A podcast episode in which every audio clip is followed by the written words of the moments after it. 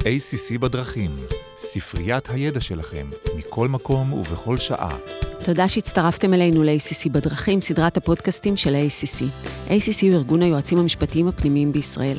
אני עורכת דין מירב לשם, והיום אני מארחת את עורך דין דנה כהן, שעומד בראש מחלקת האנרגיה במשרד אגמונים טולצ'ינסקי. דן הוא אחד מעורכי הדין הוותיקים והמובילים בישראל בתחום המשפט המסחרי, שוק ההון, מימון, מיזוגים ורכישות, עם דגש על תחום האנרגיה.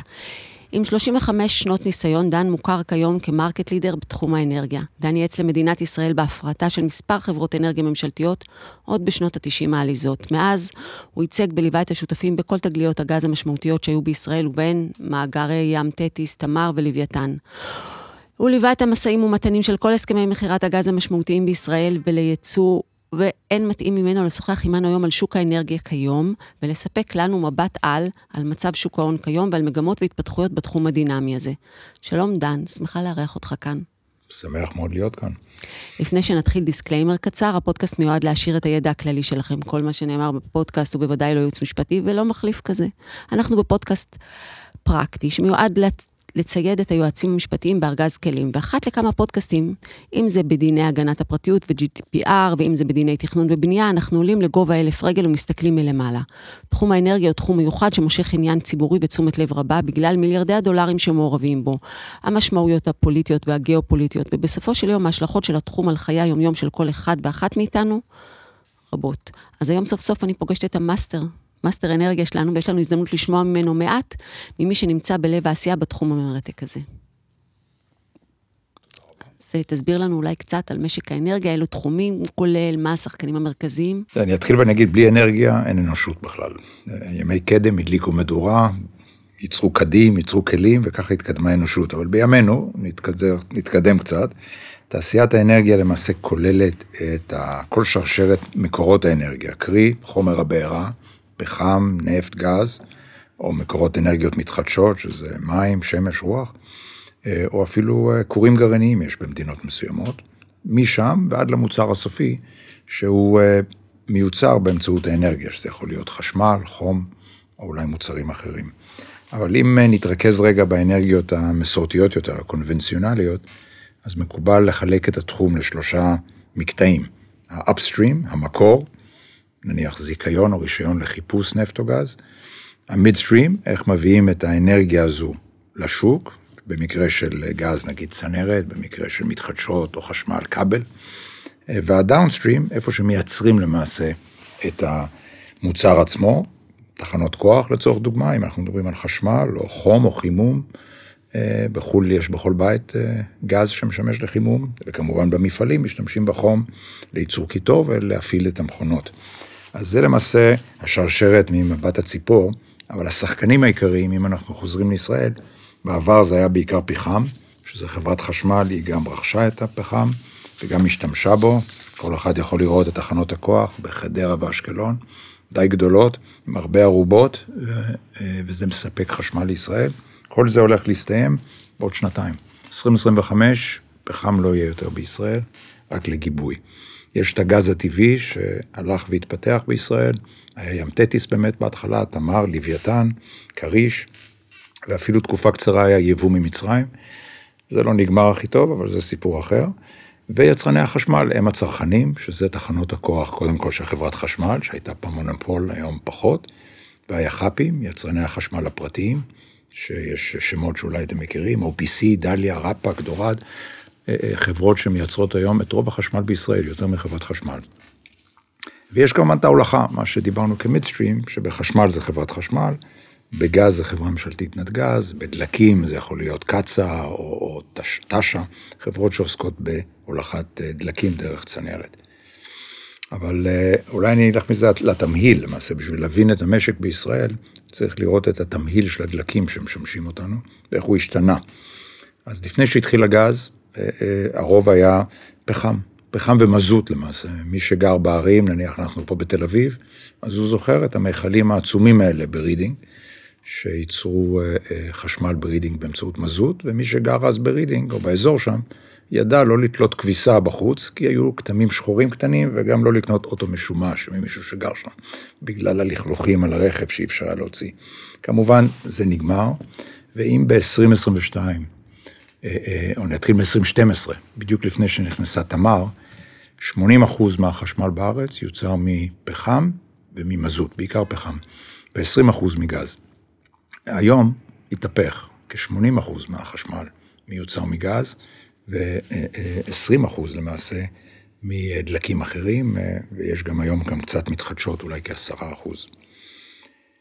אז מה השתנה למעשה? ישראל הייתה פעם מה שאהבנו לקרוא אי, אי אנרגטי, גם בתחום הפוליטי וגם באנרגיה, כשנאלצנו לייבא נפט, פחם, ממדינות שהסכימו להתעלם מהחרם הערבי ולשלוח לנו קצת מזה.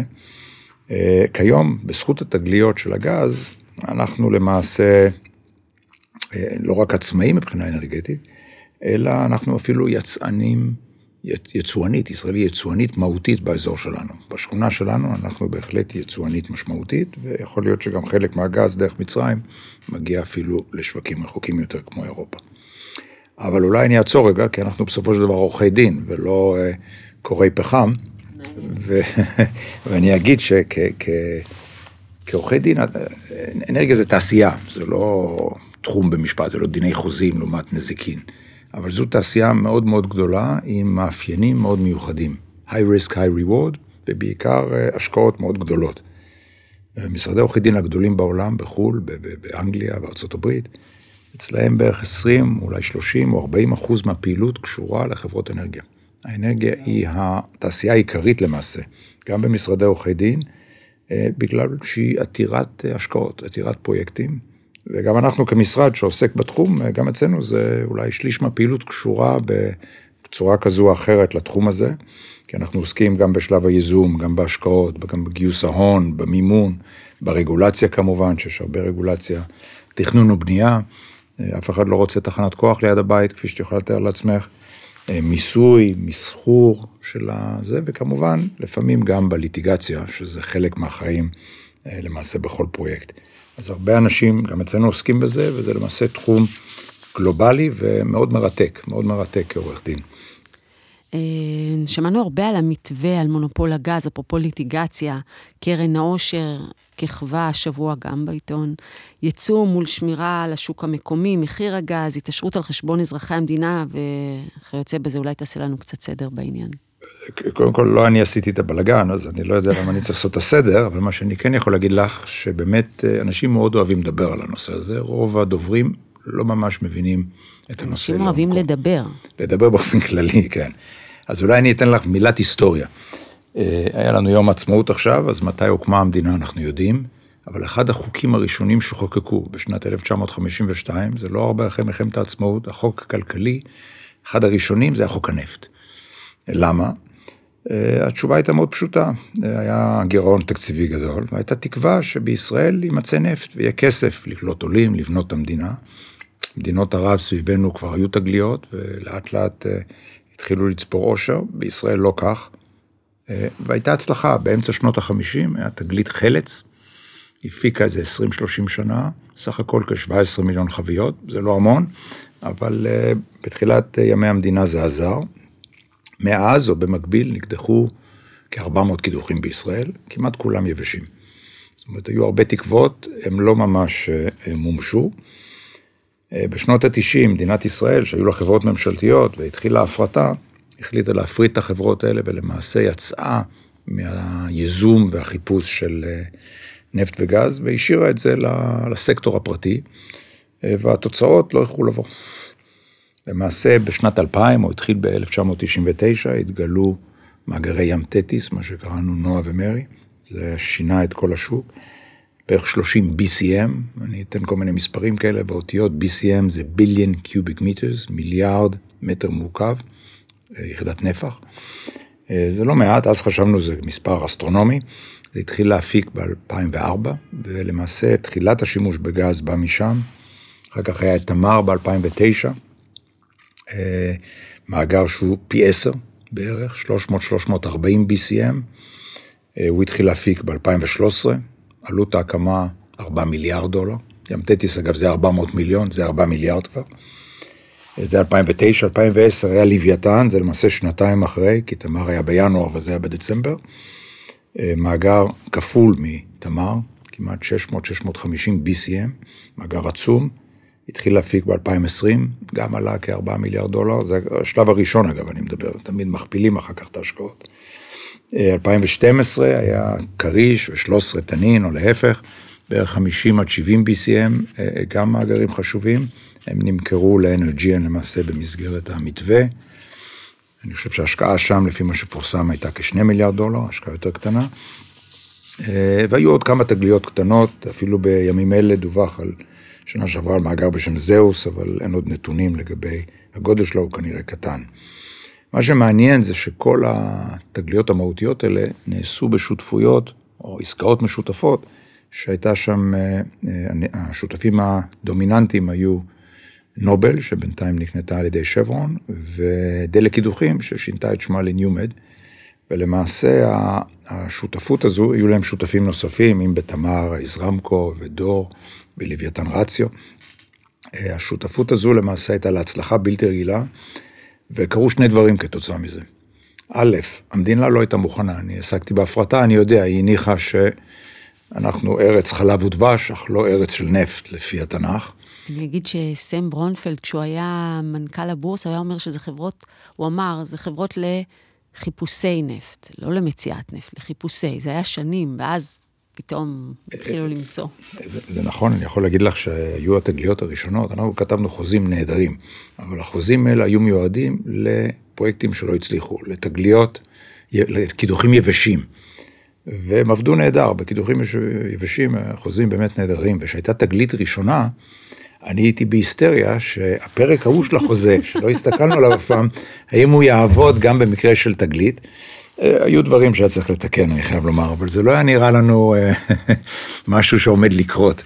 אבל המשיח הגיע בתחום הזה, ובאמת אה, המדינה גם לא ציפתה לזה. ולכן הרגולציה פה, מה שסיפרתי לך על 1952, לא עשו הרבה מאז בתחום הרגולציה והחקיקה, והתגלית תפסה את כולם בלתי מוכנים לחלוטין, בלתי מוכנים, והרגולציה ניסתה לרוץ אחרי התגליות.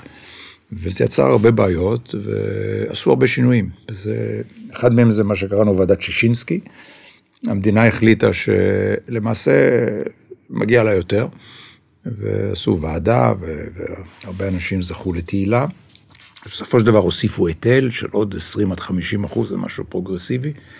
תוספת מס, קראו לזה היטל, לא מס, כי לא רצו לעשות מס רטרואקטיבי, אז עשו היטל, רטרוספקטיבי, לא יודע בדיוק מה ההבדל, אבל לא חשוב, וזה הסכומים מה, מהחקיקה הזו, הם אמורים ללכת לקרן העושר.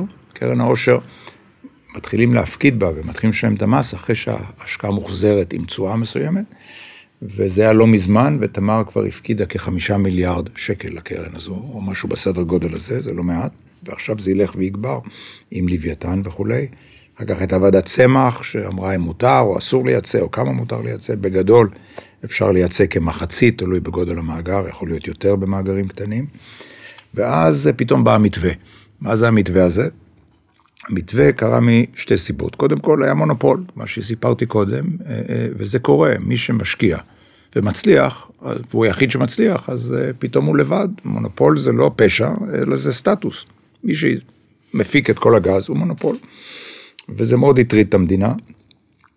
ולמעשה הרגולציה קצת אה, הסתבכה עם עצמה, היה מאוד קשה לקדם פרויקטים, ולוויתן, שהתגלה ב-2010, ב-2015, שהיה מתווה, לא, אי אפשר לפתח אותו, פשוט הכל היה תקוע. ובאה למעשה המדינה ואמרה, בוא נעשה סדר ברגולציה. בוא נעשה סדר שאפשר יהיה לקדם פרויקטים. שכל משרדי הממשלה יישמו את החקיקה בצורה קוהרנטית, בצורה אחידה. כי כל אחד היו לו דרישות שונות, שהמשמעות הייתה שלא יהיו פרויקטים. ובאמת בעקבות המתווה הזה, אה, אה, אה, נמכרה, נמכר כריש ותנין לשחקן חדש, זה נובל, אני אקרא לזה שברון וניומד מכרו. ניומד מכרה את כל החזקותיה בתמר, שברון מכרה חלק, ולמעשה בתוך תקופה קצרה, שלוש-ארבע שנים, בהתאם ללו"ז שסוכם, לוויתן התחיל להפיק. אז המתווה היה באמת הצלחה בלתי רגילה. ואחד הדברים שעלו במתווה, וזה הנושא הכי חשוב לתחום של תשתיות, זה יציבות ותכנון לטווח ארוך. אי אפשר לעשות דברים בשלוף בענף הזה. זה נכון לתשתיות תמיד, כל תשתית אגב, גם ברכבת הקלה שעיכבה את בואנו עד למשרד פה, וגם בדברים אחרים, אבל באנרגיה בפרט, התכנון חייב להיות לטווח רחוק.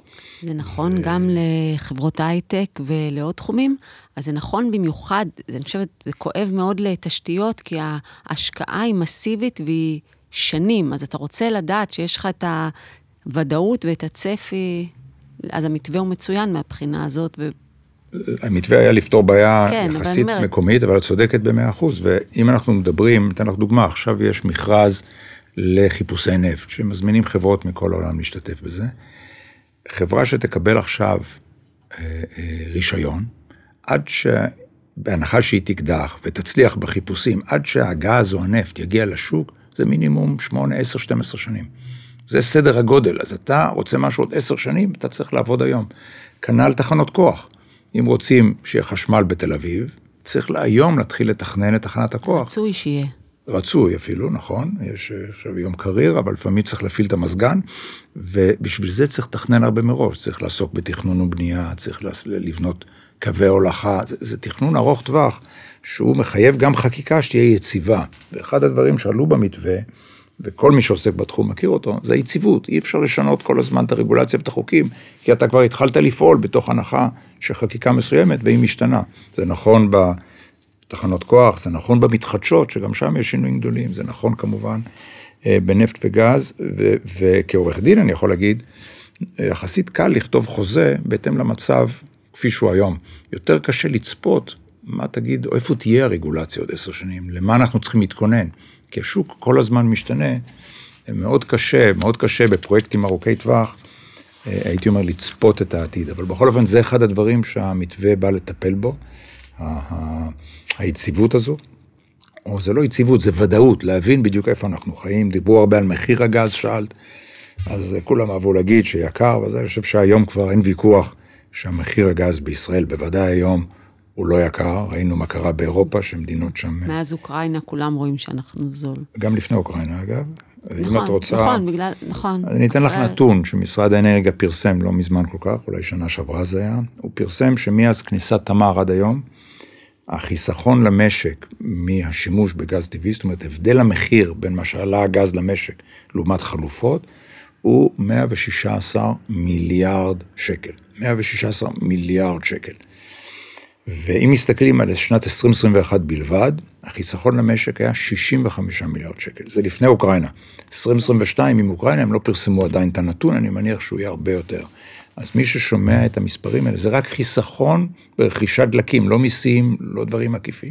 חיסכון ברכישת דלקים, ואפשר להבין למה מדינות מסוימות, אה, אה, גם האזרחים אגב, נכנסו לקשיים כלכליים, כשמחיר החשמל עלה באנגליה פי שלוש או פי ארבע. זה ממש אה, מקשה על, על כל אחד, על כל אחד. זה משהו מאוד דרמטי, וכלכלות עם אינפלציה גבוהה עכשיו זה בגלל הסיבות האלה. אבל בכל אופן, אגב, גם בהכנסות המדינה, אולי אני אשלים את התמונה, מדברים על כסף. חשבתי, אנחנו מדברים על משפט, אבל גם כסף זה חשוב. התחומים קשורים, משפט וכסף. כסף קשור לכל. גם משפט. גם משפט קשור לכל, גם החיים קשורים לכל, אבל החיסכון של 120 מיליון, 120 מיליארד, שאמרתי קודם, 116 מיליארד, לא כולל את הכנסות המדינה. הכנסות המדינה, ב... מאז שהתחילו התגליות מהגז, הן כ-20 מיליארד שקל. כשחלק, אני חושב בחצית הסכום, זה נתונים של משרד האנרגיה ומשרד האוצר. זה נכון עד לפני שנה, זה לא של השנה האחרונה. מתוך זה יש תמלוגים, תמלוגים זה מעל עשרה מיליארד שקל ששולמו, זה משולם בלי קשר לרווח או הפסד. זה מלמעלה, והיתר זה מהיטל שישינסקי, היטל משאבי טבע שאמרתי קודם. ו... הפרוספקטיבי. כן, הפרוספקטיבי, רטרוספקטיבי, לא יודע בדיוק מה זה, ו... וגם uh, uh, מס הכנסה, גם חברות ישראליות משלמות מס הכנסה. 20 מיליארד שקל, והיה, זה רק התחיל. אנחנו בהתחלה, זה דברים מאוד מהותיים. אני מאוד אוהבת את הפודקאסט, הוא פודקאסט אופטימי.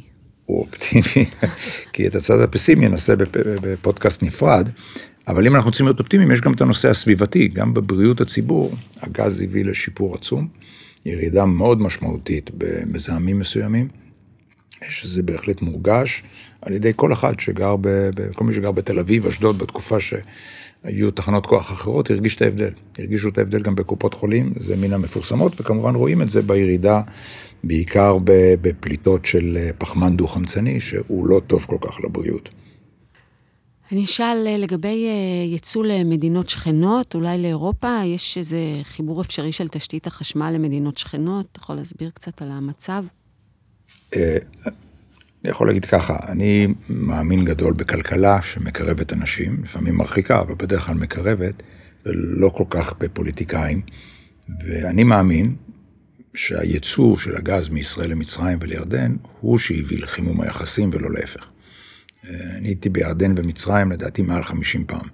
הנסיעות הראשונות היו יותר קשות מבחינה פוליטית, וככל שהזמן עבר והקשרים הכלכליים אה, השתפרו, ראינו חימום ביחסים. גם הסכמי אברהם.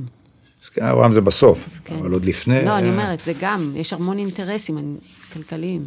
את שואלת באמת שאלות טובות, כי, כי אין פה הפתעות, זה לא שקופיות, זה תהליך ארוך של צעדים קטנים. אם את מדברת על הייצור של הגז, לצורך דוגמה, זה התחיל עם איזשהו הסכם קטן עם הרשות הפלסטינאית, שהם היו צריכים גז לתחנת הכוח בעזה, ולבנות תחנת כוח חדשה בג'נין. בסוף נחתם ההסכם, אבל הפרויקט לא יצא לפועל מכל מיני סיבות. אחר כך ב-2014 היה הסכם קטן בירדן, private sector, סקטור פרטי, לספק גז למפעלי ים המלח הירדנים. כמו שיש מפעלי ים המלח בצד הישראלי, בצד השני של ים המלח יש גם מפעלים בירדן. אה, זה נחתם ב-2014, חוזה לא גדול, התקדם.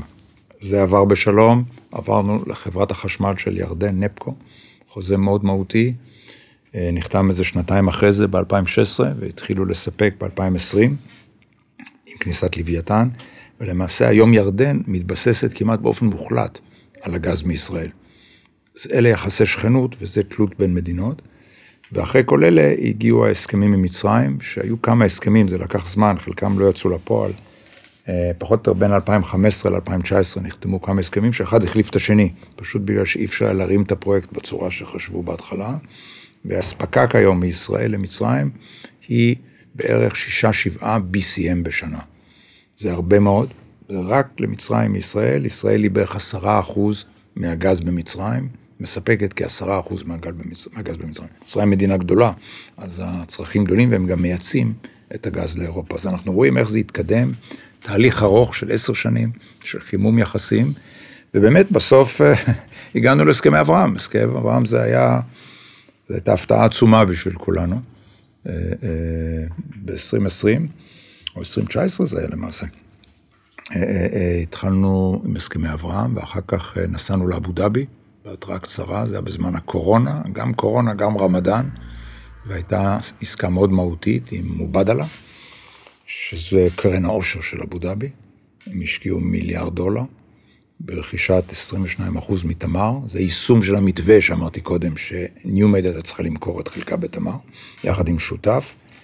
אה, זה נכס אסטרטגי למדינת ישראל, אבל בעיקר זה השקעה במשק הישראלי בתשתית לטווח ארוך, זה לא קניית פטנט, זה לא קניית משהו שאפשר להזיז אותו. ממשלת אבו דאבי קיבלה החלטה להשקיע בישראל לטווח רחוק. זה מאוד מהותי, ו... וכל מי שטיפ... שמעורב בעניין, זה היה מאוד מרגש. צבעתם פתאום... עצמכם. כן, כל הזמן, וטסנו מעל ערב הסעודית, לא ידעתי שזה בכלל אפשרי. מדינה גדולה, ערב הסעודית. בכלל טסנו מזרחה, תמיד טסים מערבה ועושים סיבובים. כל הדבר הזה היה מאוד מרגש, באמת מאוד מרגש, ואני חושב שזה שינה הרבה. ומי ש... במקרה שמע לפני כמה שבועות חברה אחרת מאבו דאבי, אדנוק, אבו דאבי נשיונל אויל קמפני, שהיא לא קרן העושר, היא העושר עצמו, היא מחזיקה בשדות הנפט של אבו דאבי, ועוד בעוד מדינות גם, גם במצרים ועוד מדינות, יחד עם BP, BP זה עוד ענקית אה, נפט, בריטיש פטרולים קראו להם פעם, עכשיו זה רק BP. והם אה, הודיעו שהם אה, שוקלים לקנות חצי מניומד בכשני מיליארד דולר. עוד פעם, השקעה מאוד מהותית, בחברה שכל מה שיש לה, או עיקר פעילותה, זה תשתית בישראל. בישראל ובקפריסין זה מבשר על רצון להשקיע לטווח רחוק ולא לטווח קצר, זה אמון עצום בתעשייה בישראל. אנחנו נכנסנו למועדון שפעם היה נראה בלתי אפשרי, ממצב של חרם ערבי. אמברגו. אמברגו, כן, באנגלית. ומאופק, שכולנו פחדנו ממנו פעם, פתאום אנחנו רצויים ובני בית במדינות ערב, זה באמת משהו שכישראלי, אני יכול להגיד, לא נשמע לי סביר אה, לפני כמה שנים. אז אה, בנקודה הזאת, מה, מה המדיניות שלנו היום לגבי מקורות אנרגיה, מסחר עם השכנות שלנו? זה מסר אופטימי. תראי, צריך להיות אופטימי בתחום הזה, אין מה לעשות. אה, חיפושי נפט, אתה הולך לחפש, הסיכוי לגלות הוא לא גבוה. אז אם אתה לא אופטימי, עדיף שלא תשקיע את הסכומים האלה. אז מי שעוסק בתחום, הוא חייב להיות אופטימי. אבל כפי שאמרתי בתחילת דבריי, המדינה קצת אה, איטית לפעמים. היא לא הייתה ערוכה לתגליות, כי היא לא הייתה אופטימית. היא לא באמת הייתה ערוכה לאנרגיות מתחדשות. זה לקח הרבה זמן ליישם. בהתחלה דיברו במתחדשות, היה יעד. המדינה אוהבת לקבוע יעד רחוק, שזה... לוקח זמן לראות אם הוא יתממש או לא, אז, ובסיסמאות, אז היה 20 אחוז מתחדשות עד 2020. באיזשהו שלב החליטו לעדכן את התחזית, הגדילו אותה ל-30 אחוז, אבל ב-2030. אה, אנחנו ב-2020 לא היינו ב-20 אחוז, גם לא היינו ב-10 אחוז, עכשיו הגענו ל-10 אחוז. מה מארצות הברית? אני לא יודע אם נגיע ל-30 אחוז אה, ב-2030, אבל צריך לעבוד בשביל אה, לעשות את זה, וזה אפשרי. אבל יש בעיות קרקע, יש בעיות רגולציה, יש בעיות עם מינהל מקרקעי ישראל, עם רגולציה, עם הולכה, יש המון נושאים שצריך לטפל בהם, וזה בהחלט אתגר. אבל אם אנחנו מדברים גם על, ה, על הסביבה, אז פורסם לי ששנה שעברה נחתם איזשהו מזכר הבנות על איזשהו פרויקט שאולי יביאו חשמל מירדן דווקא, שם יש הרבה מדבר, הרבה שמש, הרבה קרקע, אולי ייצרו חלק מהחשמל בירדן, יביאו אותו לישראל, ואולי ישראל, שיש לה הרבה מים, ים התיכון, תעשה התפלה ותמכור אותו לירדן, ואת כל זה אה, אה, ממשלת אבו דאבי תסייע, זה דברים שלפני כמה שנים היו נשמעים בלתי אפשריים. אז אלה דברים שכיום מתבשלים, יכול להיות שיקרו, יכול להיות שלא, אבל זה בהחלט, אה, בהחלט חזון. אני חושב שגם יש טכנולוגיה בארץ, אנחנו מעצמת הייטק אמרו, במדינות אחרות שהיו להן תגליות גז, גם במדינות ערב אגב, הם פיתחו תעשייה סביב זה. נורבגיה, יש תעשיית נפט עצומה שהיא לא משרתת רק את נורבגיה, משרתת את התעשייה בכל העולם. וגם במדינות ערב יש בהחלט הרבה אנשים שפיתחו גם טכנולוגיות, גם חברות שירותים, וטוב יקרה אם גם בישראל ינצלו את התגליות האלה בשביל לפתח uh, תחומים משיקים. אז אני בהחלט אופטימי, ואני חושב שהתחום הזה הוא בהחלט uh, נקודת אור uh, בהצלחה שלו, למרות כל הקשיים. ההצלחה בישראל נחשבת להצלחה בינלאומית. פודקאסט כל כך אופטימי, אני חושבת שאני אקשיב לו כל פעם לפני השינה. אה, אה, הרבה חזון וציונות ועניין ואנרגיה טובה. אה, נשמח לארח אותך שוב, לעשות drill down לכל מיני נושאים. ב-2030, ב-2030. לא, לא, לא, לא, לא, לא. עכשיו שתפסנו אותך, אנחנו לא משחררים. תודה רבה. תודה לך.